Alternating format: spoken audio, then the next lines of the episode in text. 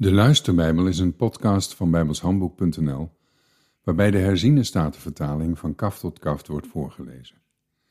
Dit is Deuteronomium 32. Hoor mij aan, hemel, dan zal ik spreken. Laat de aarde de woorden van mijn mond horen.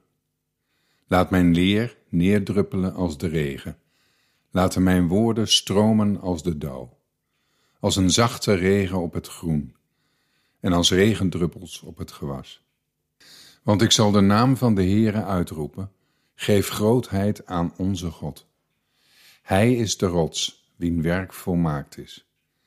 Want al zijn wegen zijn één en al recht. God is waarheid en geen onrecht. Rechtvaardig en waarachtig is Hij. Zij hebben verderfelijk tegen Hem gehandeld. Het zijn zijn kinderen niet. Een schandvlek. Het is een slinkse en verdorven generatie. Doet u dit de Heere aan, dwaas en onwijs volk? Is hij niet uw vader, die u verworven heeft, die u gemaakt heeft en u stand heeft doen houden? Denk aan de dagen van vroeger tijd. Let op de jaren van generatie op generatie. Vraag het uw vader hij zal het u vertellen. Vraag het uw oudste, zij zullen het u zeggen. Toen de Allerhoogste aan de volken het erfelijk bezit uitdeelde, toen hij Adams kinderen van elkaar scheidde, heeft hij het grondgebied van de volken vastgesteld, overeenkomstig het aantal Israëlieten. Want het deel van de Heere is zijn volk. Jacob is het gebied dat zijn eigendom is.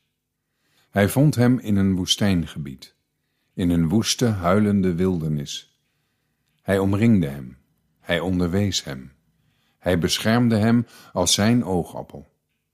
Zoals een arend zijn nest opwekt, boven zijn jongen zweeft, zijn vleugels uitspreidt, ze pakt en ze draagt op zijn vlerken. Zo heeft alleen de Heere hem geleid er was geen vreemde God bij hem. Hij liet hem rijden op de hoogte van de aarde. En hij at de opbrengsten van het veld.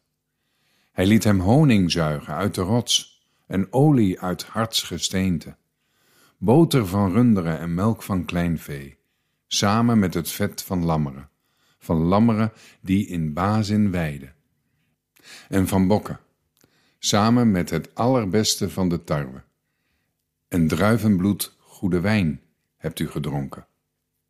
Maar toen Jezuren vet werd, trapte hij achteruit. U bent vet, u bent dik, u bent vet gemest. Toen verliet hij God, die hem gemaakt heeft. Hij versmaadde de rots van zijn heil.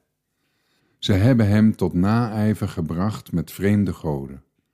Met gruwelijke daden hebben zij hem tot toorn verwekt. Ze hebben geofferd aan de demonen, niet aan God aan goden die zij niet kenden, en nieuwe goden, die kort geleden gekomen zijn, voor wie uw vaderen niet gehuiverd hebben. De rots die u verwekt heeft, hebt u veronachtzaamd, en u hebt de God die u gebaard heeft vergeten. Toen de Heere dat zag, verwierp hij hen, uit toorn tegen zijn zonen en zijn dochters. Hij zei, ik zal mijn aangezicht voor hen verbergen. Ik zal zien wat hun einde is. Want zij zijn een totaal verdorven generatie, kinderen in wie geen enkele trouw is. Ze hebben mij tot naijver gebracht met wat geen God is. Ze hebben mij tot toorn verwerkt door hun nietige afgoden.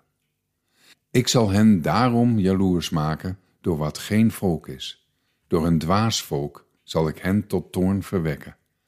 Want een vuur is aangestoken in mijn toorn. Het zal branden tot onder in de hel. Het zal het land met zijn opbrengst verteren en de fundamenten van de bergen in vlam zetten. Ik zal verschrikkelijke dingen over hen ophopen. Al mijn pijlen schiet ik op hen af. Uitgeteerd door honger, verteerd door pest en bitter verderf, zullen zij zijn. Tanden van wilde dieren zal ik op hen afsturen. met vurig vergif van slangen die in het stof kruipen. Buiten berooft het zwaard en binnenskamers de verschrikking zowel de jongen als het meisje, de zuigeling samen met de grijsaard. Ik zei, ik zal hen naar alle kanten verspreiden. Ik zal de gedachtenis aan hen onder de stervelingen doen ophouden.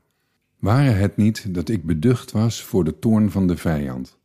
Hun tegenstanders zouden het verdraaien en zeggen: Onze hand is verheven. Het is niet de Heere die dit alles gedaan heeft. Want zij zijn een volk dat door raadgeving verloren gaat. Er is geen inzicht bij hen. Waren zij maar wijs, dan zouden zij dit opmerken.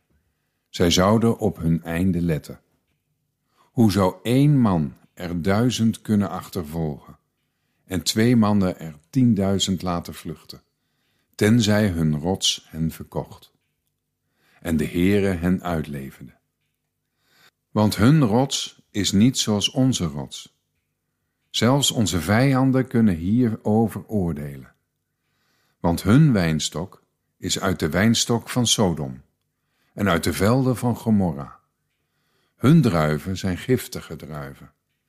Bittere trossen hebben zij.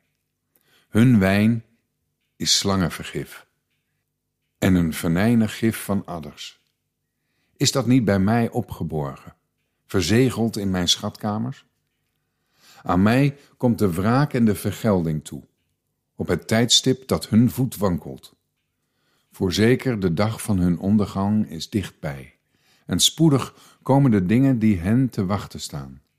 Want de Heere zal zijn volk recht verschaffen. Hij zal berouw hebben over zijn dienaren, want hij zal zien dat hun kracht is vergaan en dat het met de gebondene en de vrije gedaan is. Dan zal hij zeggen, waar zijn nu hun goden? De rots tot wie zij de toevlucht namen? Van wie zij het vet van de offers aten? Van wie zij de wijn van de plengoffers dronken? Laten zij opstaan en u helpen. Laat daar een schuilplaats voor u zijn. Zie nu in dat ik, ik die ben, er is geen God naast mij. Ik dood en ik maak levend. Ik verwond en ik genees. En er is niemand die uit mijn hand redt. Want ik hef mijn hand op naar de hemel en zeg, zo waar ik in eeuwigheid leef, als ik mijn glinsterend zwaard wet, mijn hand het grijpt voor het oordeel, zal ik de wraak laten terugkomen op mijn tegenstanders en met hun die mij haten vergelden. Ik zal mijn pijlen dronken maken van bloed, en mijn zwaard zal vlees eten van het bloed van de gesneuvelde en de gevangene van het hoofd van de vijand met zijn loshangend haar. Juich met zijn volk, want hij zal het bloed van zijn dienaren wreken. Hij zal de wraak laten terugkomen op zijn tegenstanders en zijn land en zijn volk verzoenen. En Mozes kwam en sprak al de woorden van dit lied ten aanhoren van het volk. Hij en Hosea, de zoon van Nun.